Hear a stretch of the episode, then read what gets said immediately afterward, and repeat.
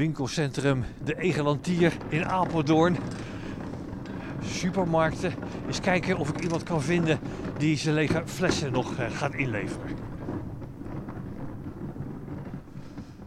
Goedemorgen. Heeft u nog lege flessen bij u voor statiegeld? Moeten ze daar ruimte om? Goed, eh, ja.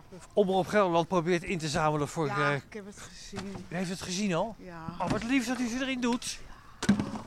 Of ik ze nou meeneem naar de Jumbo of naar Duitsland terug, of ik doe ze hier, dan liever hier. Oh, het zijn Duitse blikjes. Nee, het zijn Nederlandse Oh. blikjes, maar wij wonen in Duitsland. Oh, en dan komt u helemaal hier in Apeldoorn eh, even boodschappen doen. Nee, wij waren bij een Subaru-tour van Subaru Club Nederland gisteren. En wij zijn dan altijd een heel weekend in Nederland. Oh, wat leuk. Was het een beetje gezellig? Ja, hartstikke gezellig. Hoor eens. Ik hoorde Bel van Esther van TV. Die is ook blikjes aan het inzamelen. Wat leuk dat u ze in mijn container gegooid heeft. Wat vindt u van de stichting Opkikker? Heel goed. Waarom? Omdat het gewoon iets is wat we nodig hebben vandaag de dag. Er zijn mensen die hebben gewoon niet het geld met kindertjes.